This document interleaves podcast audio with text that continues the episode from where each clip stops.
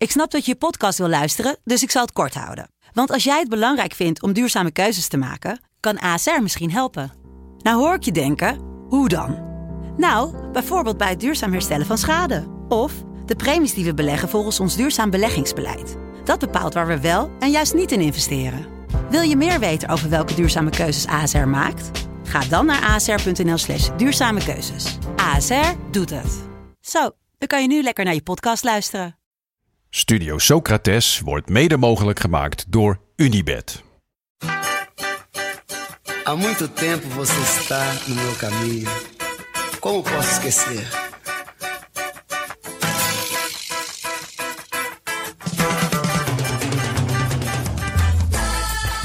Welkom bij de EK-editie van Studio Socrates, waarin we de komende weken op zoek gaan naar het Bert Maalderink gevoel.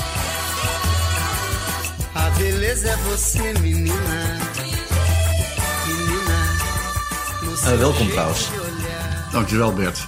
Eh, Ik ben erg blij dat ik eh, weer jou zie. nou, dat is vrij wederzijds ook. eh. Ik weet het Bert. We kwamen tot de achtste finale. Dat was absoluut niet het maximale. Het was wel ons niveau, maar het was zeker niet prima zo. Vanuit oranje perspectief was dit toernooi een verschrikking. Geen leuk voetbal, geen idee achter het spel. En eruit in een wedstrijd waar we nul keer op goal schoten tegen een ploeg die de Tsjechische sportkanon ook niet gaat halen. Maar niemand die daarom maalt, want de KNVB-doelstelling is gehaald. De kater was groot, maar werd gelukkig weggespoeld met een voetbalavond om nooit te vergeten. Twee wedstrijden, 14 goals met pingels als toetje. Een zegen voor zowel de voetballiefhebber als de podcastmaker. Dit mocht je niet missen. Behalve voor een potje schuren op een oud en nieuw feestje natuurlijk. Jasper, hoe is het met je? Ja, jij omschreef het eh, twee weken geleden mooi eh, met het woord apenbrak. Het is nu jouw beurt. Ja, want ik zit er wel in. Ja, ik was dus wat je zegt op een oud en nieuw feestje. Midden in de, in de zomer. Maar dat is dus een feestje waar, dat normaal in december wordt gehouden. Waarin je elk uur oud en nieuw viert. Ehm, en dan gaat er champagne in de lucht in. En eh, knuffel je iedereen elk uur eh, om een gelukkig nieuwjaar te wensen. Dat klinkt verschrikkelijk. Maar als je genoeg drinkt, wordt dat heel leuk dus. Het klinkt heerlijk. En zij hadden gezegd, eh, de dag dat dat weer mag, dan, eh, dan gaan we dit gewoon doen. Full pool. Dus eh, gisteren stond ik in een vol paradiso eh, mensen gelukkig nieuwjaar te wensen midden in de zomer. Oh, hoe was dat om weer in een vol paradiso te staan? Ja, het was geweldig. Ik, het was helemaal niet zo onwennig eigenlijk. Nee? Nee, het was eigenlijk heel snel weer normaal gewoon dringen bij een bar. En eh, een beetje godverdomme, een beetje ertussendoor wring- wringen. Wat doen al die mensen hier? Ja, Hè? laat mij eens rustig. eh. Nee, ja, het was geweldig. Alleen eh, vandaag iets minder. Behalve dus, ik moest dus in de rust van Frankrijk moest ik weg. Dus ik heb dat hele, ja, het spektakel gemist. Maar toen kon ik dus vanmorgen, heel brak, heb ik de hele wedstrijd ter- teruggekeken. En hoewel ik laatst ook in deze podcast zei dat het onmogelijk is om een wedstrijd in zijn geheel terug te kijken als je weet wat het gaat worden, was dat nu echt geweldig. Nog Ik steeds. nog steeds. Ik denk dat ik het nu nog wel een keer Ja. gewoon zo weer helemaal zou kunnen Maar terugkijken. ik, ik vond het ook echt een beetje lullig voor jou gisteren. Want Jon en ik zaten gewoon elkaar dood te appen in onze groepsapp over wat er allemaal gebeurde. En steeds stuurde jij, kut, wat gebeurt er? Vertel me. Ja, en opeens zie ik dus gewoon eh, ze winnen en Frankrijk ligt eruit. Ja, Nou, maar toen heb ik nog, eh, toen heb ik extra hard eh, mensen geknuffeld en gelukkig nieuwjaar gewenst. ja. Ja, geweldig. Nou, gelukkig heb je wel een leuke avond gehad. Want wij hebben het echt ook zeker Ik gehad. heb echt genoten gisteren. ja. Is het de, de mooiste voetbaldag ooit? Ja, ik denk het wel. Voor de neutrale kijker? Voor een neutrale denk kijker? Ik wel, ja. Ja. ja. Ik denk het wel. Zoveel goals. Eh, twee wedstrijden op één dag met zoveel goals. En Heel- verlenging. Ja, en het eindigt met het perfecte toetje, met die penalty-serie. ja. Eh, teams Met- die terugkomen van de achterstand, mooie doelpunten, verrassende doelpuntenmakers, ook blunders, gewoon alles zat erin. Allemaal verschillende doelpuntenmakers ook. ja, Eh, bij Ja, Spanje, acht verschillende Kroatië. doelpuntenmakers, hè? ja, Ja, en. Morata die het deed. Ja, dat gun je hem toch ook wel Ja, echt van harte. En zijn kinderen gun ik het ook trouwens. Ja. Die, die helemaal, ja. Ja, ik hoopte, ik stuurde al in de, in de app van ik hoop dat, eh, dat Morata het gaat doen. En vijf minuten later eh, schoot hij maar in. Het Ja. gebeurt veel voor mijn gevoel ook dit EK. Van die kleine verhalen in een wedstrijd. eh, die, die de boel allemaal nog specialer en mooier maken. Eh, Morata was er, was daar zeker eentje van. En ook gisteren vond ik eigenlijk ook zo'n verhaal met Mbappé de andere kant op. Ja. Een soort van de grote ster van Frankrijk... die eigenlijk al het hele toernooi niet echt thuis geeft. En die dan de beslissende penalty mist. Maar ligt het eraan... Kijk, ik heb nog nooit een EK zo intens beleefd als dit EK vanwege die podcast. Ja. Maar ligt dat daaraan of is het echt een geweldig toernooi? Ja, ik, ik denk een beetje van beide. Ja. Maar ik hoop oprecht ook wel ehm, dat, dat wij met deze podcast het ook wel wat leuker maken. Nog voor onze luisteraars in ieder geval. Maar ik, ik heb er daardoor wel, ben er anders naar gaan kijken. Ja. Ik bedoel, ja, aantekeningen maken tijdens een wedstrijd over details die je opvallen. eh, mooie acties, lelijke acties. eh, ja, dat, dat helpt wel voor de beleving in ieder geval. Ja, je komt gewoon veel meer mooie verhalen tegen. Ja, En wij kunnen die dan weer delen met jullie, waardoor hopelijk eh, ja, we allemaal, allemaal de grote winnaar zijn. En gisteren was echt zo'n dag dat, dat Ja. iedereen eh, die van voetbal houdt de grote winnaar was. En het was ook wel nodig eigenlijk. Ja, want zaten jullie er doorheen na, na Nederland-Tsjechië? Nou, ik had echt een beetje. Ik was een kwartier voor het einde ben ik in de tuin gaan zitten van de mensen waar ik voetbal keek. En heb ik met een schuin oog nog een beetje gekeken. Toen ben ik uit beleefdheid nog even blijven hangen, want er werd namelijk gekookt. En ik dacht, ik kan nu niet zo voor het eten weggaan. wat, Meteen na wat het werd er gemaakt? ja, wel lekkere pasta. Ah, dus dat ja, is ook dus- wel een beetje in eigen belang. ja. Maar toen dacht ik, nou, ik fiets gewoon nu naar huis en ben ik op tijd voor België, Portugal. Ah, En toen kreeg ik hem nog even volle bak. Want ik zat dus in Ah, die lekker. ongelofelijke regenbui. En ik fietste voor het Stedelijk Museum. En ik dacht, ik trap nog even door. Want ja, ik wil gewoon op tijd thuis zijn. Bam, ketting eraf. Dus toen liep ik daar in mijn oranje shirt. Oh. Met mijn fiets aan mijn hand, terwijl het met bakken uit de, eh, uit de hemel kwam. En mijn shirt plakte zo heel vies tegen mijn lichaam aan. en ik liep nog langs een paar restaurantjes waar iedereen dan zou kijken... oh, daar heb je zo'n zielige oranje supporter. en ik, ik voelde me gewoon... Weet je, dit was echt zo'n foto die dan de dag daarna op de NOS... eh, weet je, oranje supporter drijft af. Die Ja. guy was ik dan. Ja. En toen heb ik het nog wel goed kunnen maken door eh, heel veel chocola en snoep te kopen.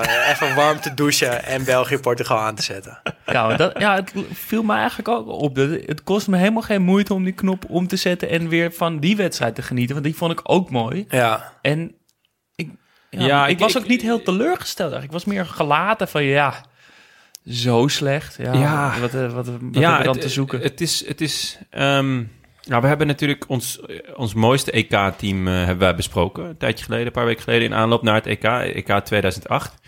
Eh, een EK dat wij toen hebben omschreven als de voetbalhemel. Eh, met een, met in de groep des doods, met allemaal mooie wedstrijden die allemaal mooi uitpakten. En we, we gingen er toen ook daardoor groots uit. Ja. We gingen eruit op een manier, met een manier van spelen waarvan je dacht, oké, ja, eh, dit is het. Dit, dit- ja, je kan ook tegen een zeepert aanlopen. We, zijn eruit gevlogen tegen een ploeg die het heel goed deed. Tegen ons en met een slimme coach. Maar man, wat was het vet. Ja, wat hebben we genoten. En nu, ja... Nu is het niks. Het is letterlijk niks. En om heel eerlijk te zijn, heb ik daarbij een beetje hetzelfde gevoel als het WK 2010, waar we wel de finale haalden. En dat was natuurlijk heel vet, dat had ik nog nooit meegemaakt. Maar het spel had voor mij hetzelfde, eh, dezelfde manier. Dus als Ja. je zo speelt, ja, dan moet je eigenlijk wel winnen. Want anders dan is er gewoon eigenlijk niks om op terug te vallen. Nee. Maar zelfs Frankrijk gisteren was gewoon groots en meeslepend, toch? Ja. Ja, maar dat kwam, dat kwam ook door aanvallend wisselen in de rust.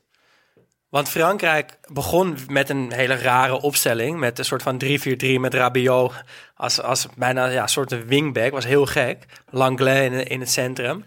Maar in de rust, omdat hij achter stond, moest hij aanvallend wisselen. En toen brak het spektakel pas los. Dus dat was ook weer iets waarvan ik dacht...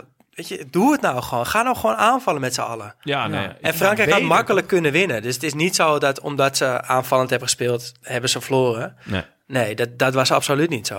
Het heeft Nee, ze ja, heel... ze stonden 3-1 Precies, voor, eh, 10 ja. minuten voor tijd. Ah, je hebt, je hebt eh, Frankrijk al eerder een, een, een verschrikkelijk team, ge- Ja. of een verschrikkelijke Nou, coach. cynisch ook. Ja, ehm, het, zoals ze zijn natuurlijk eh, wereldkampioen geworden, ook met deze tactiek. Maar Ja. het, was, het was een heel negatieve manier van voetballen met de spelers die je hebt. Kijk, ja, van Zweden snap ik het wel dat ze gaan inzakken en hopen op eh, een bevlieging van die boys voorin of op, Ja. of op een corner of weet ik wat. Maar ja, van Frankrijk, ze hebben gewoon met afstand de beste selectie. Eh, dus dan, ja, dan verwacht je ook wel eh, spektakel. Ja, nou, we hebben het één helft gezien. En, Ja. en dat was ook heel mooi. Want ik heb, Ja. weet je, Pogba, ik ben echt geen fan van hem, maar die speelde zo goed. Speelde echt heel goed. Ongelooflijk. Die Benzema. ene bal, hè? Met Ja. buitenkantje. Ja, ja, Ja. met die ja, vreef, buitenkant vreef. Schitterend. En Benzema met die, met die Met die ene aan- goal, met die aanname en hoe hij hem dan nog afmaakt. En ook die aanval van die tweede goal. Ja. Echt om je vingers bij af te likken. Ja, en Ja. nou goed. Geweldige Zwitserland ook. Zo- Ja, zeker, gewoon Met zoveel ballen Ja. speelden ze. Ja, ook aanvallend zelfverzekerd En, Ja. en er niet in paniek en gewoon... eh, Ja. Heel geduldig, ja. maar niet saai. ja, Ehm, dus, dus echt, eh, eigenlijk, ze hadden gewoon, want Frankrijk liet tegenstanders de bal, dus dat hebben ze duidelijk goed geanalyseerd. En ze hebben dus heel goed gekeken van, goh, waar liggen nou de kansen tegen dit Frankrijk? En ja, dat was eh, in, het, in geduld, want de omschakeling van Frankrijk was zo sterk, dat, ja, dan, dan is het gelijk alarmfase 1 op het moment dat eh, Mbappé een beetje zo linkshalf de bal krijgt.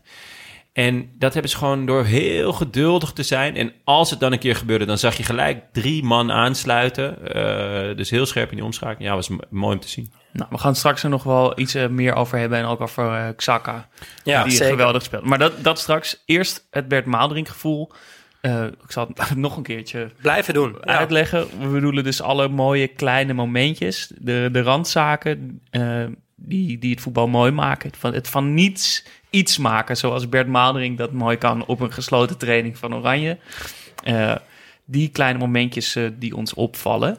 En die jullie eh, opvallen. Want we hebben weer wat inzendingen gehad. Niet zoveel dit keer. Ik denk toch dat de, de, de verslagenheid hard Ja, en- het groot was. Ja, En- ik ben benieuwd of wij de uitschakeling van Nederlands elftal te boven komen. Nou, ik ben hem al te boven hoor. Ik, Nee, maar als, als podcast. Ah, oh, of dat zo. er nu gewoon nooit meer iemand luistert. Ja, ik denk, ik geniet misschien nu ook wel meer. Maar ja, misschien, dat is misschien moeilijk om te zeggen. Maar er is nu ook geen ruis meer. Nu gaat het alleen maar om het voetbal. Ja. En anders zit je toch met Nederland. En dan ben je toch voor Nederland en fanatiek. En dan denk je, ah ja, boeien. Wat maakt er nou uit in welke opstelling we spelen? We willen gewoon winnen. En, Ja. oh, en dan hoor je dat, heb je een soort ruis van Frank de Boer, 5-3-2. toch? Weg ermee. gewoon Nee, klopt. een mooi voetbal. En dat is er nu. En dat was er echt eh, volop. Ja. ja. Nee, onze luisteraars hadden, hadden dit keer eh, meer rectificaties dan... eh, We beginnen foutjes te maken. Ja, we beginnen foutjes te maken. En slordig. we hebben het ook echt volledig aan onszelf te wijten, vind ik. Want we hebben het veel gehad over de Belg. En de mensen van de Belg die furo- furoren maken. Eh, waaronder Aster. Ehm, maar we hebben zijn achternaam... Het is ook geen toeval dat ik zijn achternaam nu niet noem. Een aantal keer verkeerd uitgesproken. En we kregen een berichtje van onze vaste luisteraar Paling. En eh, die had het volgende te zeggen. Hallo, Paling hier. Het is Aster en Zeimana. En in België zijn we er inderdaad ook heel hard fan van. Groetjes en veel succes nog met de show. Schitterend. Altijd Ja. leuk als Paling wat van zich laat horen. ja, mooi. Kort maar krachtig. ja, een- Aster en ja. is het dus. Bij deze, sorry, sorry Aster, want eh, we, we, we hebben bericht van Aster gehad dat hij heeft geluisterd. Ja. ik hij weet niet of hij dit hoort, maar Aster, sorry. We hebben je naam verkeerd uitgesproken. We zullen dat niet meer doen. Nee, en eh, ik gok trouwens dat Aster eh, er ongeveer net zo bij zit als jij. Brak. Ja. Want? Nou, hij tweette na ehm, eh, Nederlands elftal van... Want hij deed commentaar bij Nederlands ja, elftal. hij zei het, eh, het, het zit erop voor het Nederlands elftal. Eh, het EK zit erop. En dat geldt ook voor mij. Ik ga bier drinken. Lekker. Dus ik weet niet hoe lang hij dat heeft doorgetrokken. Maar ik ga er wel vanuit dat hij, eh, dat hij lekker aan het pil zit. Mooi. Nou, bij deze Aster eh en Zeemana. Dan hadden we nog een rectificatie. Ja, we hadden Arco eh, als gast. En die had het veel over Rick de Zadelaar. Maar onze luisteraars vertelden ons dat het niet de Zadelaar is, maar de Zadeleer.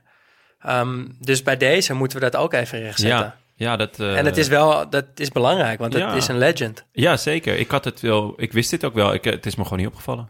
Ja, moest me trouwens dank. ook meteen denken, bij, gisteren met die, met die wedstrijden, hoorde ik eh, Arco ook meteen weer Ja. zeggen in mijn hoofd. Die zei bij ons in de podcast van, nou, dat worden sowieso alleen maar één nulletjes en saaie, degelijke Ja. Nou, sterker En nog, Ik, dat- ik hoorde dat zo de hele tijd in mijn hoofd herhalen. hij stuurde zelfs nog een berichtje. Was ik toch te positief met mijn 1-1? Want dat had hij voorspeld, dat het 1-1 Ja. zou worden. Nou, dat, dat werd het dus niet. Oh, lekker. Nee, het was geweldig. Ehm, en we hebben een, een nieuwe vriend van de show, Marco Carpaccio. Smakelijk. Nou, dankjewel. Leuk dat je vriend bent geworden. Ehm, word ook vriend Ja, bij vriendvandeshow.nl slash Studio Socrates. Eh, daar zouden we, zijn we heel blij mee. Als- Ziels als gelukkig, jullie- elke keer weer. Absoluut. En, eh, maar dus bij deze alleen eh, Marco Carpaccio. Bedankt. toch er weer eentje erbij. Ja, ja, ik ben er blij mee. Ja, Ja. we zitten al over de 100. Op naar de volgende 100. Dan gaan we Absoluut. weer wat moois eh, verloten. En dan onze Bert Maalderink momentjes. Jonne. Ja, ik, ehm, in, in, in breder perspectief, knock-out fase voetbal. Eh, Ja. Dat is gewoon uniek. Amen. Amen. Het is, eh, het is uniek, want het, het gebeurt natuurlijk alleen op landentoernoois. Eh, ik Champions denk- League. Nou, nee. Champions League is altijd over twee wedstrijden. Ja. En dat is dus Ja, eigenlijk... ja, eh, ik, heb, ik ben hier al in mijn hoofd al heel lang mee bezig. Ehm, Het plan ligt klaar bij de UEFA als ze bellen. ja, nou, ik heb, ik heb ooit eh, eh, heel lang in mijn hoofd dit, dit, dit plan gehad. Ik onderzoek naar gedaan. Wat, is, wat, wat, wat, zou, nou, wat zou nou vet zijn? Ehm, eigenlijk de Champions League is, is best een gedrocht. eh, qua toernooi opzet, qua voorspelbaarheid, qua saaiheid, qua teams die altijd de volgende ronde halen, de halve finale, weet je. En nou, toen kwam nu dus de Super League. Toen hebben ze dus, is het gewoon gelukt om een nog kutter iets te maken dan de Champions League, waardoor iedereen ineens nu eh, ja, de Champions League fantastisch vindt. Maar eigenlijk is de Champions League qua ehm, systeem werkt het enorm ongelijkheid in de hand. Dus de kans om te verrassen, zoals Ajax een paar jaar geleden deed, is miniem. Eh daar zijn een aantal eh, onderdelen van, nou ja, bijvoorbeeld dat rijke clubs heel erg rijk zijn en dus heel veel goede spelers kunnen kopen. Maar ook de opzet van het toernooi werkt, in, werkt eigenlijk geen verrassingen in de hand. Dus het nivelleert niet. Maar jij pleit voor, voor enkele knock-out Nou, ik, fases. ik, eh, ik, ik Onder vind andere. het dus... Ja, ik, ik zou dus echt zeggen van... eh, eh, de- ik, ik zou de, de, de beschermde loting helemaal afschaffen. Dus ik zou zeggen, doe wel dezelfde aantal ploegen. De beschermde loting afschaffen. Dus in de eerste ronde kan je gewoon als Real Madrid gelijk tegen Barcelona loten of weet ik veel wat. Dat is pech. Maar als slechtere of kleinere club kan je dus ook een kleinere club loten.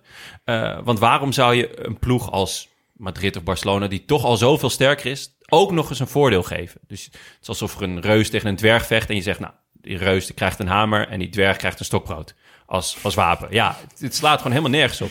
Ehm, maar je dan alleen maar knock-out. alleen maar knock-out. Dus je begint met heel veel ploegen. En, maar het, het, het, het gaat ook snel, want het is, het is één wedstrijd en je bent weg. Dus je, je krijgt continu spanning. Eh, je krijgt continu ook een, een, eh, een ander type voetbal, veel minder berekenend.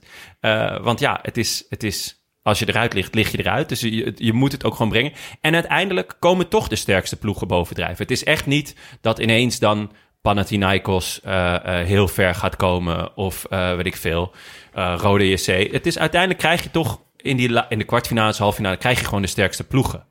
Ehm, dus ja, ik zou pleiten voor een systeem waarbij je dus op neutraal terrein eh, één wedstrijd speelt. Maar vind je het dan nu, eh, want ik, ik, ik vind het een mooi betoog, ehm, maar ik merkte dus wel bij mezelf dat ik dan echt intens geniet van die wedstrijd gisteren, Frankrijk-Zwitserland. Ja. En ik durf het bijna niet te zeggen, maar dat ik het dan ergens toch jammer vind dat we niet in de kwartfinale Frankrijk-Spanje gaan zien, maar Spanje-Zwitserland. Eh, dat ligt eraan hoe goed Zwitserland is. Eh, dat, dat klopt. Maar op deze manier, eh, en in clubverband is dat, is dat beter, omdat bij een club kan je een beleid voeren over of je beter of slechter wordt. Maar je zorgt er gewoon voor dat de ongelijkheid tussen clubs kleiner wordt, omdat, er, omdat je dus als kleine club verder kan komen. Dus het is niet zo dat je, dat je als rijke club toch elke keer weer heel ver komt en daardoor nog sterker wordt en nog rijker en nog meer betere spelers kan kopen. Ehm, bij, de, bij de Super League hebben ze heel erg naar Amerikaanse competities gekeken en daar eigenlijk alle lelijke aspecten van genomen, dus dat je niet kan degraderen. Ehm, maar wat Amerikaanse eh, sporten bijvoorbeeld hebben, is, is dat ze heel erg nivelleren. Dus ze, zorgen juist dat de competitie spannend blijft. Eh, er zijn bij Amerikaanse eh, eh, sporten veel minder eh, eh, teams die, die over een lange periode alles domineren. Dus een team dat, dat heel slecht is, kan het jaar erop ineens een titeluitdager zijn. Dat is in onze competities, in geen enkele Europese competitie is dat, is dat een mogelijkheid. Ik denk misschien met Kaiserslauteren ooit als, als, als, als uitzondering, die pro promoveerden en daarna kampioen werden. Maar voor de rest kan ik me daar geen Nee, enkel Leicester. voorbeeld... Leicester. En dat is dan ook gelijk het wonder. Ja. Dus ja, nee, duidelijk. En die wedstrijden van gisteren en, en ook vandaag, want we nemen dit nu op net na de wedstrijd eh, Engeland-Duitsland. ehm, zijn er bewijs van, toch? Dat Ja. de knockout Dus eh, de- groots en meestlevend is. En Ja. geweldig voetbal oplevert. Ja, en er is nu een klein stapje gezet. Ze hebben dus de uitdoelpuntenregel Ja. veranderd. Nou, dat, dat zorgt alweer sneller dat je gaat verlengen penalties. Want dat is ook gewoon vet. Het is langer, het is spannender, het is, het is eh, meeslepender. En het, eh, het is alleen vervelend voor grote clubs, omdat je minder zekerheid hebt. Maar zekerheid is helemaal niet leuk in in een sport. Dus als bond moet je, heb je heel andere belangen dan een, eh, dan een club.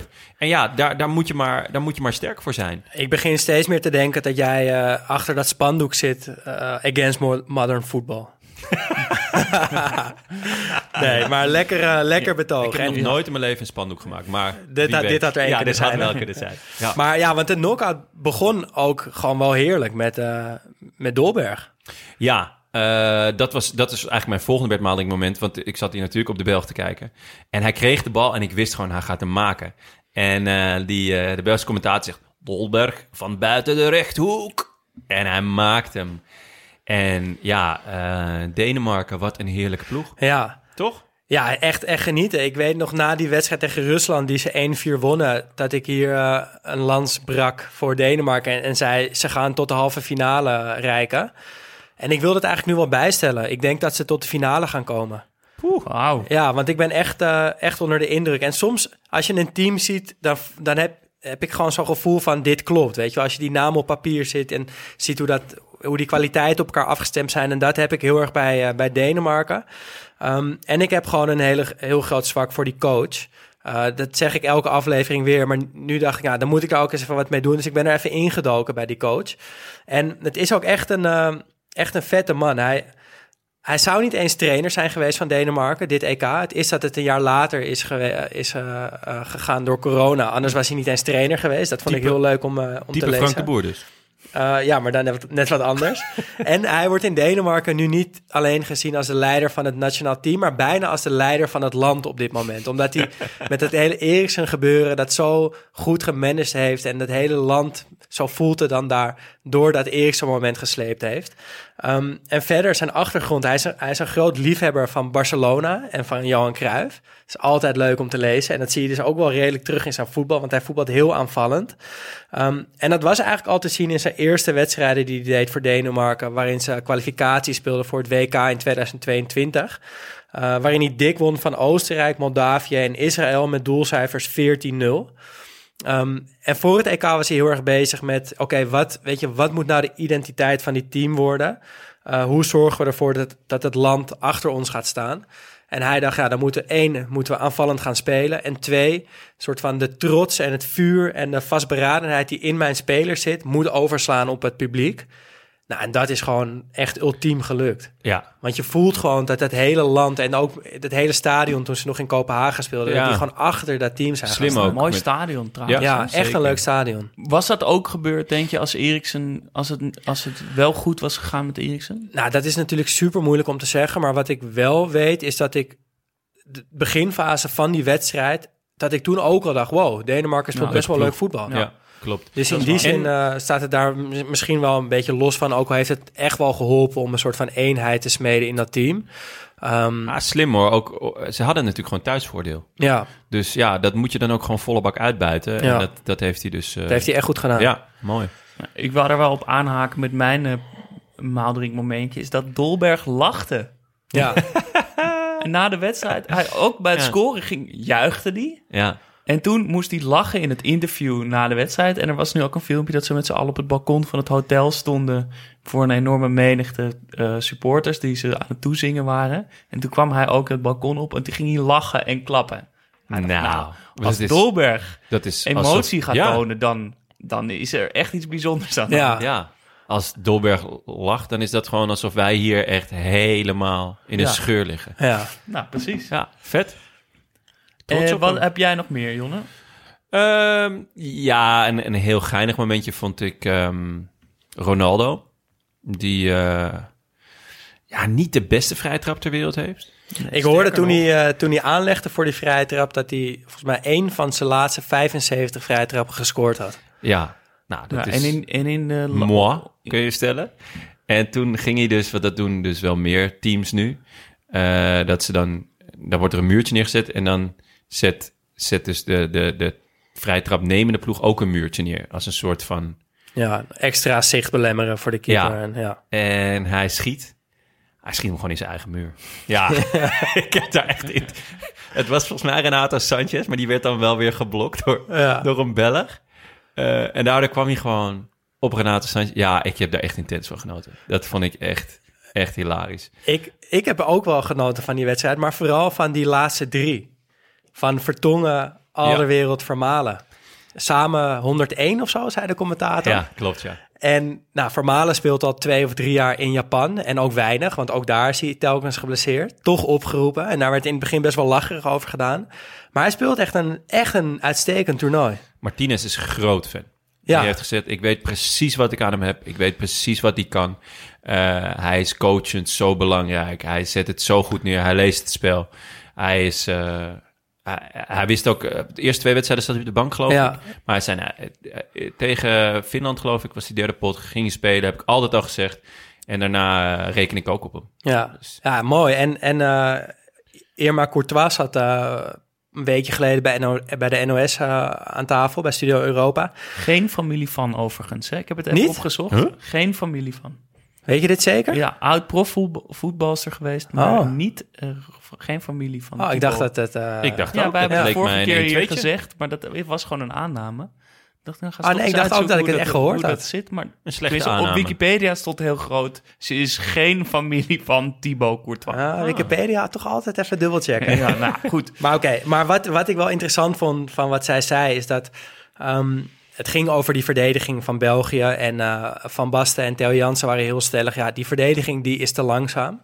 En zij haalde dat argument eigenlijk heel sterk onderuit, vond ik. Want ze zei van ja, Vertongen en Alderwereld hebben het nooit van hun snelheid moeten hebben. Die zijn ook helemaal niet langzamer geworden, want die, die waren al niet snel. En Vermalen was wel best wel snel. Het zou Ja. hij is misschien iets qua snelheid achteruit gaan, maar het is zo'n open deur om dat dan te zeggen van ja, ze zijn niet snel genoeg. Eh, terwijl ze zijn alle drie, of in ieder geval twee van de drie, nooit echt snel geweest. Dat vond ik eh, leuk geanalyseerd van Ja. eh, mevrouw Courtois. Geen familie van. dus. Geen, familie, van. Maar ja, wel... ehm, wat vonden jullie van België? Was het... Was het Ik heb wel eh, genoten van die wedstrijd, ja. Ik ook me meer van de spanning dan van het spel. Het is nog niet zo leuk als ze zouden kunnen zijn. Ja, Ja. maar je ziet wel dat er iets zit in Ja. het team wat, wat, wat wel steeds meer misschien op gang komt. Maar het borrelt wel een beetje. Ja. En, en ik en heb Hazard was goed. Ja. En het is Ja. ook leuk dat je weet dat ze nog beter kunnen, want dan kan je dus die hoop gewoon hebben. En ik heb ook niet het idee dat het, zoals wat bij de Fransen soms is, dat het onwil is, dat ze gewoon niet beter willen, omdat ze denken dat dat de beste kans is op succes. Volgens mij willen ze wel degelijk beter. Zeker. Alleen zit het ook gewoon een beetje tegen met die kleine blessures van Hazard en de Bruyne weer. Ehm, maar ja, dat, ik hoop zo dat ze fit zijn tegen Italië. Dat, dat kan echt een spektakelstuk alweer gaan worden. En kunnen jullie ook juichen voor ze? Ik merkte namelijk twee jaar geleden, drie jaar geleden WK. Ja. En dat ik dat moeilijk vond. En dat vond ik heel sneu van mezelf. Dat ik dacht, wat ben ik ook een klein mens eigenlijk. een beetje wat Arco met Dumfries had. Dat Ja, nog Wat- steeds niet wat kan ik met. Duitsland heb. Ja, dus, ja, dus dat je denkt van waar- waarom ben ik zo'n zo'n kneus dat ik niet gewoon dat kan gunnen. Ehm, ik merkte nu wel dat dat beter ging. Het was soms nog een beetje dubbel, maar ik dacht wel van ah ja, ze hebben gewoon een vette ploeg. Ze verdienen het ook gewoon om een keer Zeker. ver te komen met deze generatie. Ja, want het moet nu gebeuren. het moet nu wel een beetje gebeuren. Ehm, Het valt me wel op dat ze in België vrij stoer inmiddels wel doen over hun eigen ploeg. Klopt. Wat ik En- helemaal niet bij, bij ze vind passen. Nee, maar dat is, misschien, dat is misschien ook gewoon een voordeel van ons. Want Dat is misschien, dat is bedoel, misschien waar, ja. Veel, ik kijk veel ook Ja. naar Belgisch wielrennen en daar doen ze eigenlijk ook gewoon stoer. Ja. maar dat is ook prima, dat mag ook. Alleen, ik zag toen een interviewtje met eh Thibaut Courtois. Geen familie van Irma Courtois Nee. trouwens. Even, wil ik Dat heb ik net gehoord. Ehm, en die haalde toen uit naar het Nederlands elftal, wat ik Ja. een beetje sneu vond. Dat, las ik ook, ja. Waarom? Ja, ik, ik zag het en ik, ik, hij zei ja, ik eh, hoorde een paar eh, Hollanders iets over ons zeggen en nu eh, zijn wij door en zij lekker niet. En toen dacht ik, hoezo ben jij hiermee bezig? Dat moet je nooit doen. Dat, daar, Nee. daar, dan ben je zo'n slechte winnaar eigenlijk. Ja, als je maar dat doet. eh, Spanje heeft het wel geholpen, toch? Ik heb het idee dat die door, door, Door de headset opmerking tegen Van der Vaart. Van der Vaart... dat ze opeens heel goed zijn gaan voetballen. Ja, maar dat, dat is toch ook een beetje treurig. Dat je gewoon een of andere klein dikkertje uit Nederland nodig hebt om goed te gaan voetballen. nou ja, als het werkt, dan werkt het. Ja, ja dat is misschien ook wel zo. Dus dat vond ik, ik vond het raar. Nou, om- we houden ze gewoon eh, scherp in de gaten hoor. Want Ja. dit, eh, dit ga mag wel- zich niet zo gaan ontwikkelen hoor. Ik ga eh, gewoon wel juichen voor België. Nee, tuurlijk. Ja, ik ook, daarom. ik ook. Dus, ik dus, vind het een mooie team en ik kijk ook graag de Devil Time video's op YouTube. Die zijn niet heel, eh, heel flitsend. Ik kijk veel, ik heb Follow the Wave heb ik veel gezien. ik vind het heel erg op elkaar Ik heb- lijken. Ja, ik heb eh, de Engelse Inside the Lion's Den. Heb ik ook veel gezien. En Devil Time, die komen dus elke dag om zes, minu- zes seconden over zes over zes. Omdat Ah, 666 het getal van de duivel is. Ja, precies. daar is over nagedacht, hè? zijn En geen dat zijn domme vrij- jongens daar. Ja, het zijn vrij droge filmpjes. Maar ik geniet er wel van. Het ziet er wel uit echt als een leuk team. Ja. En eh, die Martinez lijkt me ook echt een Ik vind het shirt ook mooi. hele geschikte coach. Mooi shirt. Ja, en gouden set eh, dat ze Henri. Eh, erbij hebben gehaald. Ja.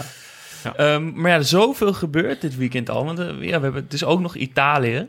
Ehm, en daar was wel één momentje van mij, namelijk het juichen van Pessina. Dat had ik nog nooit zo gezien. En als je dat in slow motion terugziet, Ja. is dat echt geweldig. Want hij doet zeg maar de, een buikschuiver, maar een, een echte buikschuiver zonder, zonder armen verder. Dus hij houdt, houdt zijn armen recht langs zijn lichaam. Gewoon de plank. Ja, zeg maar wat... wat eh, Ja, ik, ik spring zo wel eens het water in als ik denk dat ik grappig ben. Zo met je hoofd zo Ja, als je- eerst ja, het water en je ja. handen langs je Maar lichaam. hij En komt zo echt sprongen. hard aan en je ziet hem ook echt zo neerkomen en een beetje stuiteren. En dan dus nog heel lang met zijn gezicht over de grond doorschuiven. En dan blijft hij gewoon zo liggen. Nou, je moet het maar even in slow motion terugkijken, want dat is, vond ik Ja. echt mooi. Vet. Heerlijk moment. Ja. Ehm, eh, en ja, Daan en ik hadden een, een, eh, een, een persoonlijk hoogtepuntje. Oh. Want wij zaten voorafgaande aan de wedstrijd Italië... zaten we een biertje te drinken op de Nieuwmarkt in Amsterdam. En eh, Om de Deense fans even te zien, die Ja. daar grote getalen aanwezig Ja, daar ben jij nog mee op de vuist gegaan, Ja. of niet? Klopt. Dat was minder. Maar dat was later. Ik, ik dacht... Wil ik ook nog wel horen zo. Ja, dat komt, komt goed. In het begin dacht ik, nou, misschien wordt het best wel leuk in de stad. Kunnen we misschien met, met die Denen ergens op het Rembrandtplein gaan kijken. Maar het was een eh, gore bende en alleen maar dronken idioten. Dus toen zijn we maar op de Nieuwmarkt een biertje gaan drinken. Maar toen kwam er dus een, een hele grote witte Mercedes aanrijden.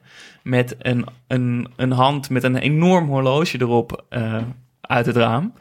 En eh, eh, daaraan vast bleek Brian Brobby te zitten. Nee. Ja. Hoe vaak spot jij gewoon Nou, daarom. is- voetballers in hun originele habitat? Ja, Dure dus- auto's. Ja, dus eh, eh, ja, vorige keer Anthony en nu Brian Bobby. En nu had ik de tegenwoordigheid van geest om heel hard Brian te roepen. om niet Bobby te zeggen, maar Brian. Want- Ja, ja tuurlijk. en, eh, Slim. en toen keek hij om. Lekker. Ja, was echt een leuk Dit was een verhaal, maar het was toch Ja. leuk. Het was zo, ik zit zo helemaal in het voetbal. En dan nu- zie ik ook nog eens voetballers op straat. Lekker. En dan nu het verhaal dat je eh, op de vuist ging met een paar Denen? Ja, want ik, we fietsen, ik fietste nou, in mijn eentje terug over de Damstraat. En eh, dat is altijd... Dat is al ellende, ja. Dat is sowieso- Voor de mensen is- die de Damstraat niet weten, maar daar lopen altijd dronken toeristen. Het is 50-50 of het knokken wordt. Ja. Eh, maar er, er hing sowieso echt een grimmig sfeertje in de stad. Veel Ja, dronken. Welshmen en, eh, en eh, Denen. Dus ik was al een beetje van een soort van... nou, ik ga niet nog ergens gezellig een biertje drinken. En toen wilden er drie dronken gasten... waren proberen aan het over te steken. Die stonden stil op straat. Dus ik moest een beetje zo afremmen. En ik zei, yo, watch out. En toen... wilde ik er een beetje langs fietsen. En toen zag ik hem in mijn ooghoek zag ik hem uithalen. Nee. En toen, ja, gelukkig duwde ik hem niet echt in zijn gezicht, maar meer in zijn nek. duwde ik hem lekker plakkerige nek Ja, vol bier. en toen werd er meteen een heleboel geroepen en er kwam ook beveiliging bij en die gasten wilden ook. En toen dacht ik, nou, Beveiliging. ja, je er had beveiliging een bij soort- je. Nee, maar er stonden dus wel van die, van die eh, city... Straatcoaches. Straatcoaches. Ja, die gingen, die gingen roepen. Jongens, doe het niet. Ik, ik, nou, ik fiets er maar gewoon door. Oké. Verder geen, niet echt een stoer verhaal. Maar Ja. gelukkig was ik wel snel lekker, genoeg hebt- met, met Je die gozer ja, jij hebt hem geraakt, hij jou niet. Gewonnen op Gewoon punten. gewonnen. Maar ja. ja, ik was niet zo dronken, dus dat scheelt ook. Ehm, heb ik nog meer? Eh, ja, dat komt misschien straks wel. Ja, ik, eh, want dit was na de wedstrijd die wij samen keken hè, tussen eh, Italië en eh, eh, Oostenrijk. En tijdens die wedstrijd viel me iets heel moois op, namelijk juichen van Vialli en Mancini samen. En dan vooral dat, Man dat Vialli zo die bank af kwam rennen en echt zocht naar Mancini. En Mancini zich al omgedraaid had van waar is Vialli? en toen vlogen ze elkaar in de armen. En dat, dat is echt een hele mooie foto geworden. En ja, daar moest wel een verhaal achter zitten. En dat, dat deed het dus ook. Um, want Mancini en Vialli zijn beste vrienden. En Mancini heeft Vialli aangesteld als hoofdafgevaardigde van de Italiaanse ploeg. En dat betekent dat hij de lijm tussen staf, coach, team en management is. Um, en ze kennen elkaar van vroeger, want ze speelden samen bij Sampdoria in de spits tijdens de hoogtijdagen van die club. Um, de Gold Twins werden ze genoemd. En samen stuurden zij Sampdoria tot grote hoogte. Twee keer wonnen ze de Coppa Italia op rij. En in uh, 91 wonnen ze voor het eerst de Scudetto met Sampdoria. En nou, dat is natuurlijk al te gek, maar dat betekende ook dat ze voor het eerst Europees voetbal mochten spelen. En ook dat werd een super groot succes, totdat ze op Wembley, waar dus ook die wedstrijd van uh, Italië tegen Oostenrijk was, uh, tegen het Barcelona van Koeman moesten spelen in de finale. Uh, ja. Koeman scoorde toen die free kick in de verlenging. Barcelona won. En dat is dus nog steeds een, een, een wond voor Mancini, Vialli en nog een paar andere mensen in de staf die ook toen voor Sampdoria speelden. Of in ieder geval iets met dat team te maken hadden. Um, later in het leven van Vialli heeft hij ook nog een hevige strijd tegen kanker gevo gevoerd. En Mancini heeft hem aangesteld terwijl hij nog aan het herstellen was van die ziekte, waar Vialli hem dus heel dankbaar voor is. Uh, en die strijd tegen kanker en die verloren eindstrijd op, op Wembley uh, uit 92. Volgens mij kwam dat er allemaal uit bij die, uh, bij die 1-0 van Chiesa en bij dat ja, juichmoment. Mooi. En ja, echt te gek. En nou, jullie gaan, morgen zal je op onze socials die foto zien. En dan doen we er ook meteen een foto bij van, van dat ze nog bij Sampdoria zaten. Met schitterende shirtjes en Vialli nog met een kop zwarte krullen. echt genieten. Ik wou net zeggen, had hij al haar toen? Nou, dat was echt, was echt, vond ik echt een mooi moment. Vet. En sowieso, wat, ja, wat vonden jullie van die wedstrijd? Uh, Italië-Oostenrijk. Ja, jam, een beetje jammer. Een beetje een smet op het blazoen van Italië. Ja, ik, ik heb ik, alleen de verlenging gezien. Ik, ik, ik moest opnemen. Dus. Ik was wel echt bang voor, voor wat we al van tevoren zeiden: het, het, het, het Nederland 2008 uh, ja. syndroom. Ja. Namelijk heel, hele goede groepsfase en dan knockout. En dan komt de druk er opeens op. En dan speel je niet meer in, uh, in Rome. En dan uh, gaat het misschien opeens toch mis. Maar ja, had ook wel kunnen lopen. Ja, ja dus als je dan op zo'n wedstrijd het toch wint, dan... Ja. ja. Je kan het volgens mij een beetje op twee manieren bekijken. Want het was wel echt minder goed dan de eerste wedstrijden. En dat is natuurlijk nooit fijn. Um, maar aan de andere kant, Mancini is vanaf zijn aanstelling, hebben we ook hier in de podcast al eerder gezegd, heel erg bezig geweest met het formeren van, van een team. Uh, dus niet 11 man, maar 26 man, een beetje die clichés. Maar hij heeft dat wel echt vanaf moment 1 gedaan. En als je vanuit die kant bekijkt, dan zou je kunnen zeggen... zijn invallers zijn heel belangrijk voor hem geweest. Dat gaat het teamgevoel alleen nog maar versterken. Uh, dus misschien is dat wel goed voor die ploeg. Um, aan de andere kant wordt dat ook wel uh, een ding tegen België. Want weet je, Pessina moet hij misschien spelen in plaats van Barella... Locatelli, Ferrati, wie ga je kiezen? Berardi, Chiesa. Dus dat, dat is ja, wel met echt... name uh, die tweede. Locatelli, Ferrati. Ja, dat wordt wel een... Ja. Heb jij een voorkeur? Ja, ik zou voor Locatelli gaan. Ja, ik dus ook. Het, het klopte gewoon in het middenveld. En uh, hoe goed Ferrati ook is... En hij is...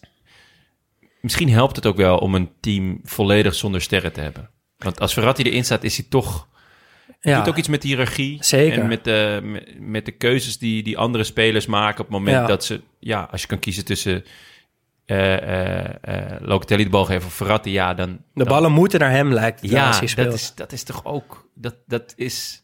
Het, dat gaat onbewust zo. Ja. ja, en wat ik net zei over Denemarken, dat je soms zo'n team kan zien en dat je gewoon intuïtief voelt van, hé, hey, dit klopt. Dat viel weg met Verratti erin bij Italië. Toen dacht, weet je, Ja. ik voel, dacht al van tevoren van, ja, Verratti gaat die bal halen. eh Jorginho wil opbouwen. Eh, Barella zit heel, is heel, heel bezig, heel veel gaten te trekken, maar ja, komt niet heel veel in de 16, of tenminste niet op de juiste momenten. Locatelli deed dat wel supergoed. Ja, ik ben heel benieuwd, want eh, het zijn la- echt lastige keuzes. Ook Ja. Chiesa en Berardi. We shall see. Ja, Mooie pot in ieder geval, Italië-België. ja echt, een, eh, echt een waanzinnige pot. Ehm, ik had nog een momentje. Eigenlijk meer een soort van ja, hoe kan ik het noemen? Ik heb gewoon heel erg genoten van spelers die soort van in de wedstrijd groeien. En dat je op een gegeven moment als kijker zoiets hebt van... geef hem de bal, geef hem de bal, geef hem de bal. Want hij gaat er wat moois mee doen. En ik had het gisteren, of eergisteren... met, met Chaka, met eh Pogba, met Pedri... En ik zat te kijken en ik denk... eigenlijk vind ik dit nog veel leuker dan een heel mooi doelpunt. Dat je als kijker gewoon zoiets hebt, zo voelt van... oké, die, hij is de beste van de wedstrijd Ja. op dit moment. Geef hem nou de bal. Ja, ja, En dat elke keer als hij de bal krijgt... dat je als kijker op het puntje van je stoel zit... om, om te kijken wat hij er nou weer voor moois mee gaat doen. Maar vooral met Xhaka was het, was het ongelooflijk hoe hij het allemaal naar zich toe trok Ja. op een gegeven Ja. moment. En echt elke bal meteen ook werd ingeleverd bij Precies. hem. En hij deed er ook elke keer iets goeds mee.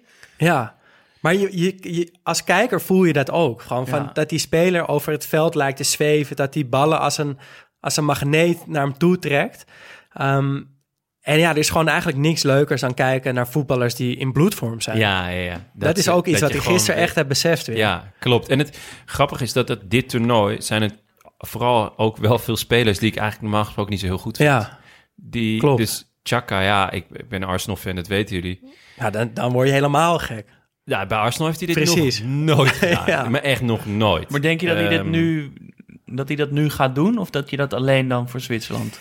Ja, er zijn toch ook gewoon wel veel spelers die, die voor hun land... eh, Een andere voetballer zijn gewoon. ja, inderdaad. Ook omdat er iets anders van ze wordt verwacht. En ze nemen een andere rol, maar ook een andere plek in de hiërarchie.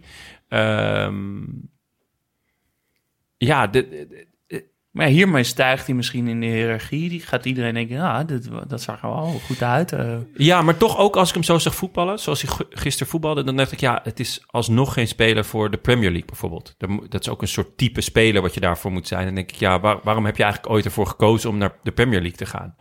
Ehm, misschien geldt het voor die andere man die zo in bloedvorm is, Pogba, ook wel een beetje. Dat ik denk, ja, eh, als je zo goed kan voetballen en je kan zo belangrijk zijn, maar je speelt bij een team waar dat eigenlijk helemaal nooit uit de verf komt. Wat doe je daar dan nog? Ik bedoel, bij Manchester heb ik hem nog nooit zo zien voetballen. Nee. Toch? Nee, echt zelden tot nooit. Eh, En dat ja, kan natuurlijk het- komen door het- doordat Kante achter hem staat, die ik ook Ja. echt weer werelds vond in zijn in zijn is ook echt een eenvoud. kunst hoor. Gewoon Ja. hoe hij ballen verovert. ja, maar ook hoe die, hoe die indribbelt, eh, keuzes maakt. Eh, Bijna alles gaat naar voren. Ah, ik las wel een mooie eh, tweet, was het denk ik, over hem. Dat mensen over Kanté altijd zeggen, eh, hij is overal tegelijkertijd. En ik weet niet meer wie die tweet eh, verstuurde, maar die zei, dat is dus niet zo. Hij is altijd op die ene plek op het juiste moment. Van het is een hele intelligente voetballer Ja, in ja, dat ja, opzicht. ja. Het is niet zo dat hij overal blind, weet je, naar die Het is bal geen toe loopt. draver. Het is Helemaal niet. Hij weet gewoon precies wanneer hij voor zijn man moet komen. Precies wanneer hij zijn benen uit moet steken. En als je daarop gaat letten, dan ja, is het bijna even mooi als Pogba die steekpaasjes geeft. Die daardoor ook eh, dus echt kan, kan floreren naast hem. Ja, Toch grappig dat we het nu over Pogba zeggen dat hij zo goed is... en dat we het dan over die passes hebben, terwijl die goal... ja. Ja, Ja, ja een soort van kopie van dat schot tegen Ja. Portugal was het. Alleen nu nog, ja, nog meer curve, nog beter in de hoek. ja. Echt eh, en schitterend. een nog beter dansje. ja. En eerst ging hij gewoon staan, toch? Deed Ja. hij de Cantona. Ah, het was Ja. iets van King. drie goal celebrations in één. ja. Ja, en Hij- Pedri, Met, dat- met eh, dat dansje op het eind, toen, toen hij met iedereen ge- geknuffeld had... dan nog een dansje, daar ben ik tegen. Ja, dat is een beetje most na de maaltijd. Ja, Ja. dat vind ik Ja. wel. We mogen er ook op tegen zijn, maar dan moet je wel eerst de loftrompet steken. Niet zoals eh, Van Niet- Basten ja. vanaf moment één die stoelpoten afzagen. Ja. Nee, maar het gaat niet om dat hij een dansje doet, maar... Goed, Als ik vind je het dansje mooier als je dat doet vanuit de emotie. Ja. Ja, in plaats van dat er zo over nagedacht Dans is. een eind weg, Pogba. Als je zo er hem erin schiet, mag je echt Dance doen the night je away. Ja, en eh, ik wil toch ook nog even over dansen op het veld gesproken. eh, P3, met zijn 18 jaar. Die zelfs in de verlenging nog zo vast in zijn passing is. En zo goed weet wanneer die moet temporiseren en wanneer die juist vooruit moet draaien. En dat is denk ik echt iets wat in je zit en wat je niet aan kan leren. En als je dat op je, 18, eh, op je 18e al kan, dan is dit echt een soort van nieuwe, ja, nieuwe captain van het Spaanse elftal voor heel veel jaar. Echt eh, zwaar onder de indruk. En die wedstrijd was natuurlijk ook eh, echt te gek. 35 schoten, las ik. 35 schoten. Gewoon drie per, of, eh, ja, één per drie minuten ongeveer. Ja. Ah, het was echt een heerlijke wedstrijd. Ja, en Luis Enrique zei er ook na afloop over van ja, jullie kunnen allemaal op zoek naar moeilijke headlines. Ik kan hem jullie nu gewoon geven. Just enjoy the football. En toen dacht ik, ja, Ja. dat is ook zo. Ja, het was echt een, een, een voetbalshow, toch? Gisteren. Ja. Het was gewoon een reclame voor voetbal. Dit, eh, eh, volgens mij zei Frank Snoeks het ook, of in ieder geval de commentator zei van eh, dit is waarom voetbal altijd de mooiste sport Ja. zal zijn. Ja, Jeroen Dus- zei dat. Ja, Ja. Even tussen, tussen allemaal vervelende verhalen over kaartjes, De en coronaregels en de Delta-varianten. terwijl we naar een, een spectaculaire wedstrijd zaten te kijken, Ja, ja. wist hij dat nog wel te zeggen. En daar was ik het op dat moment Ja. helemaal mee eens. Ehm, Tommy Theo stuurde trouwens ook nog een inzending hier ook over, over eh, Xhaka. Namelijk hoe die in, de, in die verlenging de, de, De leiding de leiding nam in die cirkel. ja, ik vind dat toch wel indrukwekkend om te zien hoor. Er was, Iemand, waren, eh, iemand moeten doen. Ja, er waren. eh, Volgens mij bij Spanje was er ook iemand, of- misschien was het wel de trainer, maar was het ook zo'n cirkel, cirkel waar dan iedereen bij stond. Dus niet alleen de spelers, maar ook de staf en, eh, en iedereen om dat team heen. Maar Chaka deed wel heel, ja, heel opzwepend en heel fanatiek. En, maar ik geloofde hem wel. Ik vond het wel echt ja. vet om te zien. Ja, en die, eh, die, die spidercam, die is dan ook Ja, echt ja, geweldig. ja, hè? ja. Die dan helemaal ook heel laag kan opeens. Ja. En echt in dat groep gaat hangen kan bijna. hangen. Wat vonden jullie van die camera bij de penalty-serie? Vet. Ja, ik vond het ik dus vond ook, het ook vet. heel vet. Ik, ik hoopte alleen nog, en dat is misschien dat het later nog wel eens komt, ehm, dat hij nog lager gaat. Dus dat je echt op, op ooghoogte zit van de voetballer. Ja. Dus dat je als, als kijker kan zien van, oké, dit is wat hij nu ziet. Dit is, oké, ga er maar aan staan met die mensen daarachter. En dan het geluid. En ja. ik vond het heel vet. Ik vond Ik het ook ook. En je leuk. ziet gewoon ook hoe groot dat goal opeens Ja. is, toch? Je- Ja. Want die camera was eigenlijk recht achter, recht voor het goal, achter de, de strafschopnemer. Ja. Dus Ja. je zag hem op zijn rug en dan het goal gewoon in de volle, volle breedte. En dan dat zo'n heel klein keepertje erin. Ja. En dat, dan moet je ook meteen, realiseer je meteen van ja, als je hem gewoon goed in de hoek schiet, Dan zit hij. is er, is er geen, geen mogelijkheid dat die keeper er nog aan kan. Ja. En die penalty ook van Pogba. Ja, er vlogen er een paar het kruis in. Ja. Ja, echt te gek. ja. Eh, en dat Mbappé hem dan mist. Ja, ik, ik het weet stond niet, echt in de sterren geschreven. Echt, hè? Wat een verhalen, hè? Ja. Ja, het stond echt in de sterren geschreven. Dit, het, je voelde het aan alles. Ja, de grote man van dit Frankrijk had het moeten zijn. Er was drie wedstrijden, ook niet heel slecht, maar zeker niet zo bepalend als dat hij had moeten zijn. Tegen Zwitserland was nog hij een grote kans. echt best wel slecht. Mist 1, 2 echt grote kansen. En dan die penalty-serie ontvouwt zich en Mbappé loopt maar niet naar voren. En op een gegeven moment weet je als kijker ook, oké, hij gaat dus die beslissende nemen. En het, meteen daarna denk je, oké, die gaat hij dus ook missen. Ja. Ik heb zoveel mensen vandaag gesproken die zeiden van ja, ik voelde dit al. En ik, ja, maar dat zeg ik volgens mij nee, maar dit was altijd, toch? nee toch? Nee, ik zeg vond heel dit wel vaak, deze echt, gaat eh, mis, sowieso, ik weet het zeker. En Nee, ik vond Maar dit als wel hij echt, dan- eh, ik vond Ja. dit wel echt zo'n moment. Ik, ik vond En het hij- heel erg passen bij de en situatie. hij nam hem ook slecht. Ja. En ook nog dat moment daarna, dat hij meteen naar de scheids keek van hij was te vroeg van zijn lijn. Ja. Een raar, raar. Oh, dat, laatste ik, weet alleen dat, dat die keeper, die zat zo te kijken van, mag ik, mag ik, mag ik? Ja. en toen was zo, ja. ja. Oh, hebben jullie het eh Zwitsers commentaar gehoord? Ja. Goh. Ja. Maar sowieso al dat buitenlandse commentaar Ja, bij al die van dingen het land is, zelf is altijd leuk, Ja, toch? ja, heel vet. Eh, Ehm, ik hoorde trouwens dat Engeland had, heeft veel strafschoppen geoefend, want die zijn er vaak met strafschoppen uitgegaan. ook vaak tegen Duitsland. Ja, Was vandaag gelukkig niet nodig. nou, gelukkig, ja, gelukkig, nou, gelukkig. Het is mijn Dan team. ben je wel Ja. heel bevoordeeld natuurlijk, maar... We gaan het straks hebben over wie jij nu gaat adopteren. maar zij hadden de een penalties op een bepaalde, op een speciale manier geoefend, namelijk met de walk of shame erbij.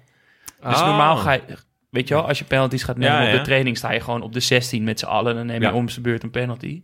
Maar zij gingen dus echt op de middenlijn staan en dan moesten die spelers met bal en al helemaal naar de kant van het Oh, veld lopen. vet. Om nog meer dat te, ik denk dat dat wel een beetje helpt hoor. Dat is toch een Zeker, ja. ja. grotere nabootsing van de echte penalty-realiteit dan als je gewoon een penalty onder je arm 16 meter en Ja. schieten. En je moet er altijd wat op zetten als trainer. Ja, Dus Billy of een basisplaats of kratje eh, bier. iets ertussenin, trap pils of eh, een avond met vrouw van de trainer of gewoon iets, gewoon iets waardoor je denkt, oké, ik wil hem, ik moet hem ook niet missen nu. ja. nee, dat is eh, nog niet nodig geweest, want Nee. 2-0 gewonnen. Ja, Ja, gefeliciteerd Jas. dankjewel. Die dankjewel. ere toekomt. Dankjewel. Ja, ik had het zelf ook niet verwacht. Nee, ja, een goede opstelling had je gemaakt. Lekker verdedigend. Ja, En, nou eh, ja, ik was eigenlijk... Ik dacht dat we dus met een soort veredelde 5-3-2... Nou, het was nog erger. Maar ja, het was een ik. 3-4-3 eigenlijk. Maar het viel me, me wel mee eigenlijk. Ja, hoe, het hoe Ja, defensief het was. Ik, nou, op het veld was het misschien iets minder defensief dan op papier. Maar hij, hij, hij stelt acht puur verdedigende spelers op. Ja, dat, Ja. ik vond het, Het en als je dan kijkt naar eh, eh, de bank, daar, is- da- Ja. je- dat had de basis kunnen zijn. Foden, Sancho, Grealish, Mount, Mount. Reece James. het Eh, middenveld was, Bellingham. was voetballend wel echt verschrikkelijk. Het was, het was, daardoor werd het ook een soort van 5-2-3 bijna. Ja. Ligt er natuurlijk aan hoe hoog je, je backs gaan staan.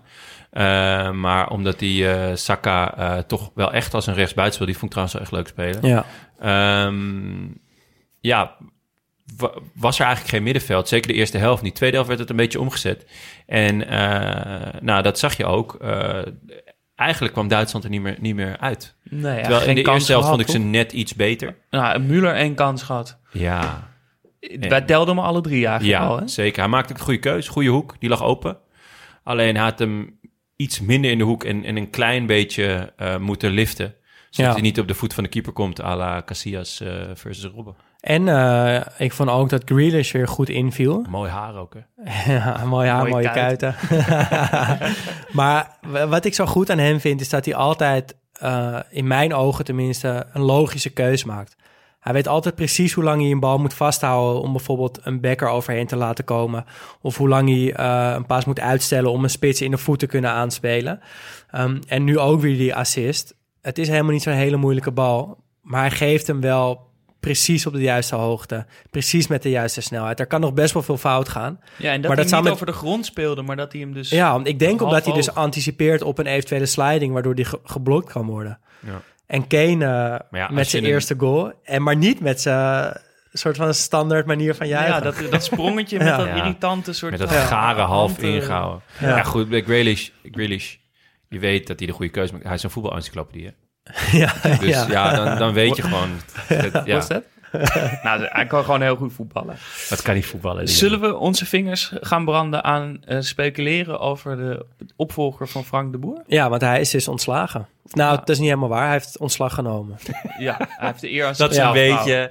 Een vriend van mij die hoorde, hoorde ooit dat ze eh vriendinnetje het ging uitmaken... toen dat hij het wel snel uitgemaakt. Ja, dat gevoel krijg ik hier wel een beetje van, ja. ja. Eh, laten we het spelletje doen. Wie hoop je, wie denk je, wie vrees je?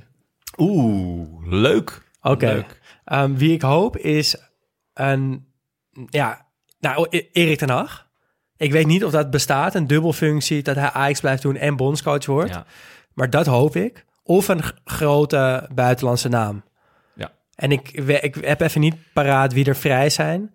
Ehm, Sven Geuren Eriksson. Zinedine Zidane. Oeh, Oh. Zidane. nou, nou dat, nu, daar had ik helemaal nog niet aan gedacht, maar dat kan gewoon, hè? Ja. Jezus, dat Ik kan echt. Wie hoop je, denk ik. Oh, heb ik dat kan. Zidane. eh, en Ja. ook stiekem nog Guardiola. Omdat hij zo'n fan is van Cruijff. Wie weet dat hij gewoon dan nu zegt... eh, fuck- Oh, jezus, Zidane, dat kan Ja. gewoon echt. Die is vrij. Ja. Ik zou denk ik wel, maar e- even serieus, als ik de KNVB was, een lijntje uitgooien, toch? Ja. Waarom niet?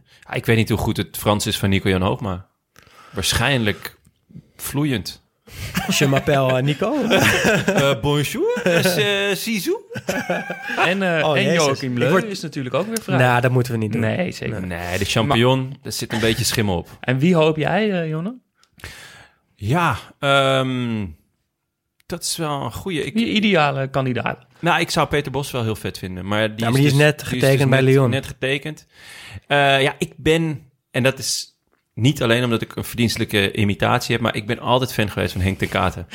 Dus eh, hij, hij is op een leeftijd gekomen dat hij elke week moet trainen. Nee, hij, hij is juist, hij is wat ouder, hij kan er boven staan, maar hij is denk ik ook nog wel steeds in staat om one of the guys te zijn. Ehm, Hij is wel een keer dichtbij geweest. hij is al een keer dichtbij geweest. Hij is vrij. Hij is eigen gereid. Dat is in de KNVB wordt dat niet gewaardeerd. Maar ik denk onder voetballers wel. Eh, ik denk dat hij zich niet al te veel aantrekt van, van media en, en allerlei andere eh, invloeden. Ehm, ja, het enige is, ja, je moet niet hopen dat, dat de positie van veldtrainer bij Chelsea eh, ter beschikking komt. Want dan is hij weer weg. Dat is het enige nadeel aan Henk. Oké. En jij? Nou ja, dat wat ik zei. Zinedine Ja, en- Zidane ja. of Wie- heb je nog-. Nog iemand die je vreest? Want ik heb wel, ik vrees voor Philip Cocu. Dat, vind ik dan soort van de ene niet-zeggende coach voor de Ja. andere niet-zeggende coach. Of, Ik vrees Ronald de Boer, maar dat het dan gewoon Frank de Boer is. Die zegt dat hij Ronald de Boer Van is. Bronckhorst werd ook genoemd. Ja, nou, zie ik wel meer zitten dan Met eh, een sterke eh, linkerhand zou ik dat nog best oké vinden. Maar Zidane krijg ik nu niet meer uit mijn hoofd. maar ja, het is in ieder geval... Ik denk wel dat we het erover eens zijn dat het hartstikke terecht is, toch? Dat hij... eh, Ja, Ik vrees trouwens het zichzelf, meest Huub Stevens. Maar dat is omdat zijn bijnaam Huub Hitler is. Dus dat vind ik gewoon... Huub Hitler. Ja, dat, dat vrees ik gewoon het meest. Dat zou toch Ja. balen zijn? ja, dat zou echt balen. dat gaat niet gebeuren. Pieter Dat- de Jong, die van eh, Ja. Platinum FC. Today we make football show. Ja, dat zou nog wel lachen zijn. Die heeft zichzelf wel vast gezellig. aangeboden, Ja, eh, ja het, had zich aangeboden, ja. Sympathiek. Nee, maar het is, eh, ik ben heel blij, echt heel blij dat hij weg is. Want dit wil ik er nog, toch nog wel even over kwijt. Want we zijn door Tsjechië eh, terecht gewezen met die uitschakeling. Maar we zijn, vind ik nog wel het meest, de dag daarna gewoon terecht gewezen. Door Spanje, Kroatië, door Frankrijk en door Zwitserland. Gewoon door al die landen die wel hun ziel en zaligheid in die knock-out gelegd hebben. En die wel eh, gespeeld hebben naar hun mogelijkheden. En die wel eh, positief, aanvallend, attractief voetbal hebben geprobeerd te spelen. Ja, of in ieder geval aanvallend hebben gewisseld. Ja, die gewoon met gewoon alles wat ze in zich hebben er wat van geprobeerd hebben te maken. En dat is echt, weet je, dat is, nou, je, je opende er al een beetje mee van, dat is gewoon echt het failliet van deze uitschakeling. Dat we en niet trouw zijn ge- gebleven aan, aan onszelf, Ehm, ook helemaal geen resultaat hebben behaald. Het, was gewoon echt helemaal niks. Nee, ja, we, wat, wat we aan het begin van deze podcastserie, toen we eh, begonnen een paar maanden geleden, waar we ja, eh, eh, achterkwamen in de, in de loop van de podcast, dat, dat de ploegen die zo succesvol waren, werden, dat die ehm, trouw bleven aan wie ze zelf waren. Ja. Ik bedoel, Feyenoord won de UEFA Cup met een echt Feyenoord-team. Ajax eh, kwam ver in de Champions League met een ja, met, met jonge talenten. Met, Ja. met PSV hetzelfde, goede aankopen, Zuid-Amerika, weet je wel. Dus echt een, een eigen identiteit. Eh, weten wat je eigen identiteit is. Weten ook dat je met die eigen identiteit veel sneller het publiek achter je krijgt. Ja. Dus wat die coach van Denemarken ook Precies. zei. Eh, weet je wel, al- als al die ruis wegvalt, omdat je toch doet wat je, wat je omdat je een daadwerkelijk plan hebt, een, een plan waar, waarvan je weet, oké, hier scharen heel veel mensen zich achter, ja, dan, dan heb je ook een hele hoop zorgen minder. Ehm, en ja, het was nu toch eigenlijk alleen maar kut. Ja, alleen maar angst. En ik denk, angst, eh, ja. misschien eh chargeer ik een beetje, maar ik denk het eigenlijk echt. Ik denk echt dat we beter en verder waren gekomen zonder trainer. ja, dat denk ik gewoon echt. Ja, Hij heeft ongeveer alles fout gedaan. Dat, dat hoeven we niet allemaal te herhalen. Dat, dat weet iedereen. Maar ik, ik denk echt dat we verder waren gekomen zonder trainer. Ja, het is wel waar trouwens. Ik heb eh, bij vrijwel alle trainers die ik heb gehad, dacht ik, ja, het is, het is, als je, het is misschien gewoon beter als je niet echt in de weg loopt. Ja. Uiteindelijk bepalen toch de, de, de bepalende spelers bepalen wat er gebeurt. Ja, ja die ook al hebben die Ja, het ook wel op- echt laten liggen hoor. Op Ja, dit zeker. niveau gaat het toch ook om kleine tactische slimmigheidjes en dingen. En Zeker, en- en- bedoel, ik kan ook wel de, de juiste poppetjes op de juiste plek zetten, maar hoe ik zo'n heel tactisch Ja, maar dat was dus- maken, dat is van, van. Basten bijvoorbeeld, die deed het niet. Die zette gewoon die jongens neer en die zei, laten jullie, laten jullie het maar zien. Ja, maar dan red je Eh, het dus ook uiteindelijk niet. Alleen, Nee, maar heb je wel een leuke tijd zeker, gehad. dan kom je dus wel verder dan de boer. Ja. Oké. Ehm, ja, dat was hem. Laten we eh, het dan over, snel voor, over eh, onze geadopteerde teams Ja, hebben. Want nog wat dat is, positiviteit. Afgezien van Jonne is dat, is dat alleen maar positief. drie keer kut. Ja, we gaan het dan nog eventjes eh, over Italië hebben. Eh, want die zitten eh, midden in de voorbereiding voor de wedstrijd tegen België natuurlijk. En ik dacht, het is leuk misschien om één speler er even uit te halen die, nou, die heel erg op de voorgrond staat. Terwijl niemand dat eigenlijk verwacht had. Matteo Pessina van Atalanta Bergamo. Ehm, als je van een verrassing kan spreken bij Italië, dan was hij het wel. Want hij zat oorspronkelijk niet eens bij de selectie. Eh, maar Sensi van Inter en Pellegrini van eh, Roma, die haakten geblesseerd af.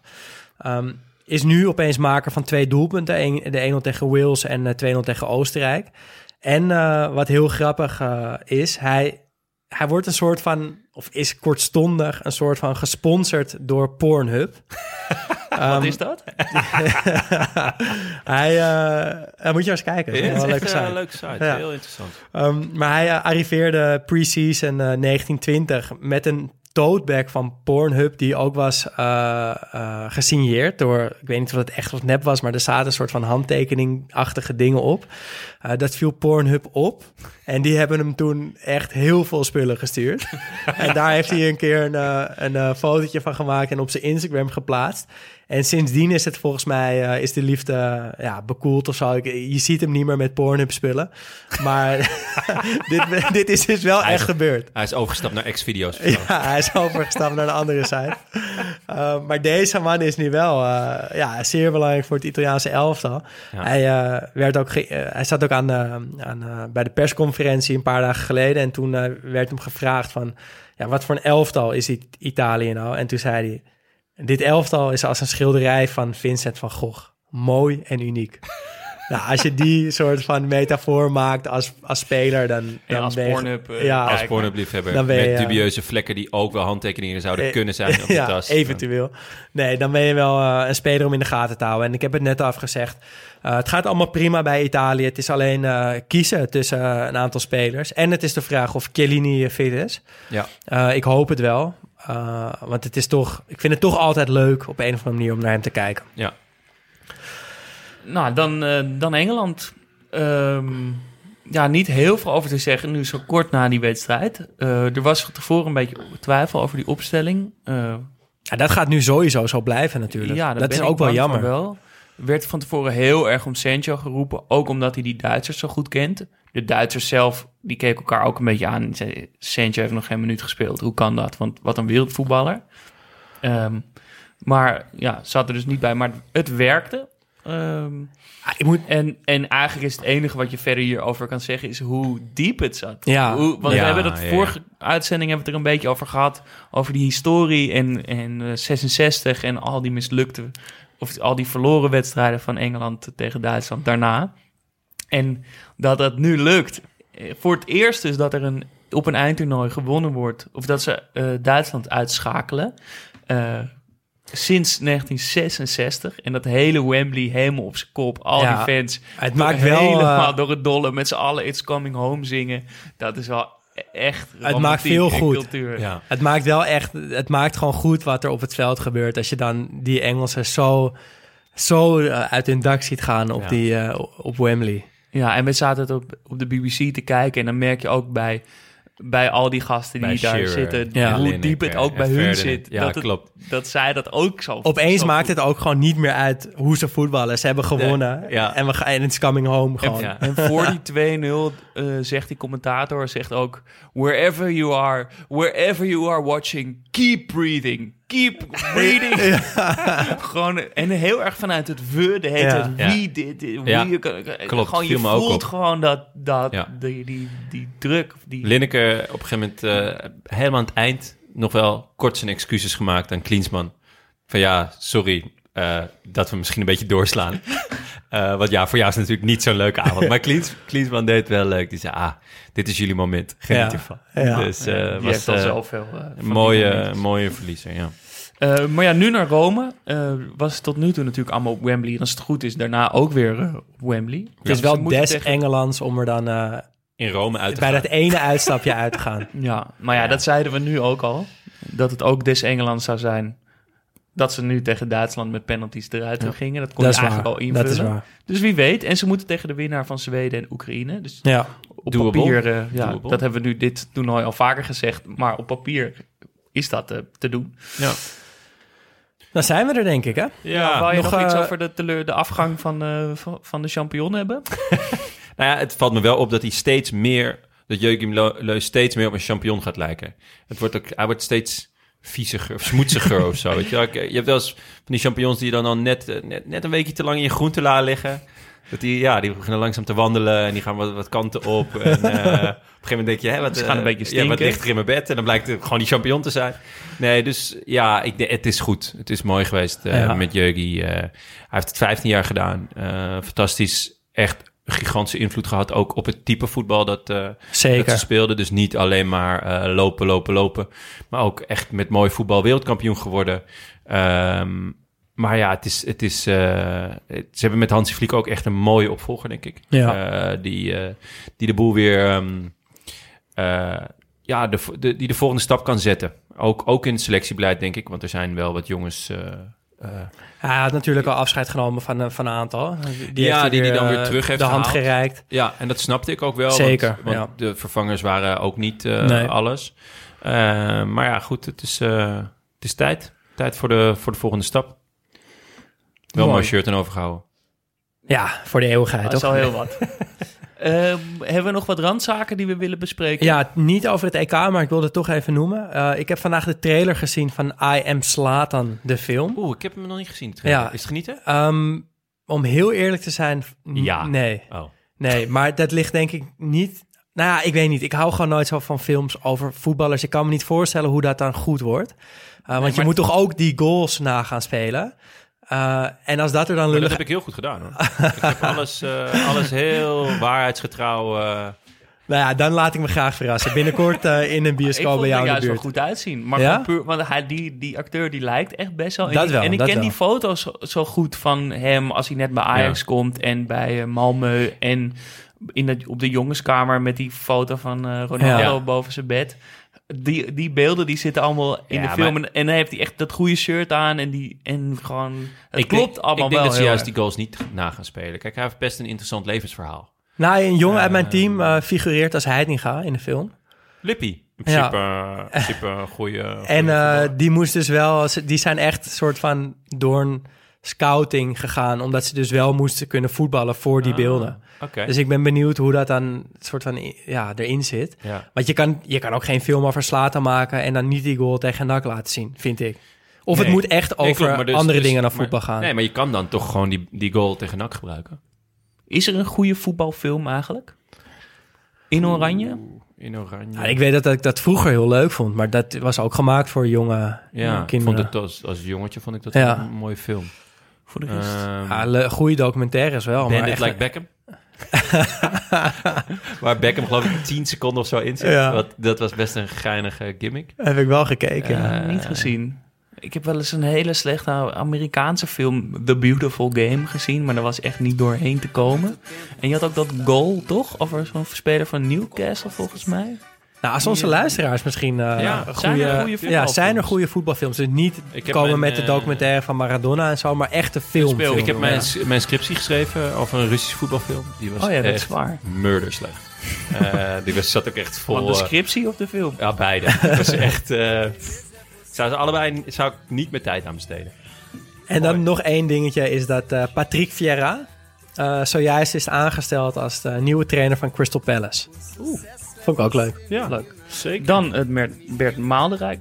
Bert, Mert, Mert Baaldering. Mert Baalderink. Ik ben brak, ik ben brak. Ah, op zich kunnen we langzaamaan naar het Mert Baaldering eh, moment.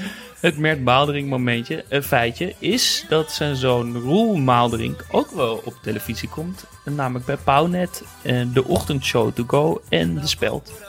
Oh, Ja, leuk. dus het zit in de familie. Ja, Ik ga eens goed kijken welke stukjes eh Roel schrijft op, de, spel. speld. Ik ben wel benieuwd, ja. Nou, dankjewel. We gaan eh, verder genieten van eh dit EK. Vrijdag zijn we er weer met een bijzondere gast. Ja. Kunnen we dat gewoon zeggen? Ja. Tuurlijk. Ja, dat durven we wel te zeggen. Wietse van de Groot. De stem van onze generatie. Ja, Wietse van The Goat. heel veel zin in. Leuk, heel leuk. Eh, dus die is eh, vrijdag de gast. En dan gaan we met hem over alle mooie dingen van dit EK hebben. U luisterde naar Studio Socrates. Gepresenteerd door Daan Sitorius, Jonne Seriese en mezelf, Jasper Gottlieb.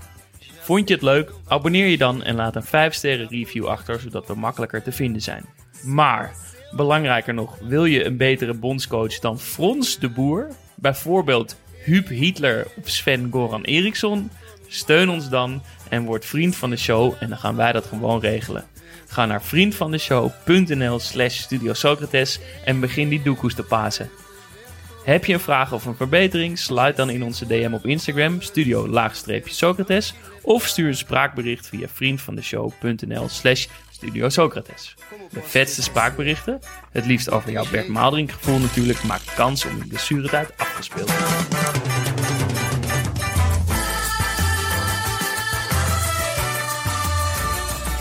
Dag mannen van Studio Socrates. Willemijn uit de bediening hier, vriendin van de show. Ik uh, wilde jullie even een dik compliment geven over de beste leadermuziek van alle podcasts. Want uh, hoe lekker dat je na de aflevering nog eventjes het hele lied kan afluisteren en er zelfs nog een dansje op kan doen. Te gek. Een Braziliaans gevoel op een Europees toernooi. Nou, ik, uh, ik ben ervan. En nog een kleine opmerking voor Arco. Het is Rick de Zadeleer, niet de Zadelaar. Als fan zou je dat toch moeten weten. Oké, maar ik ben wel fan van jou, Arco. Groetjes!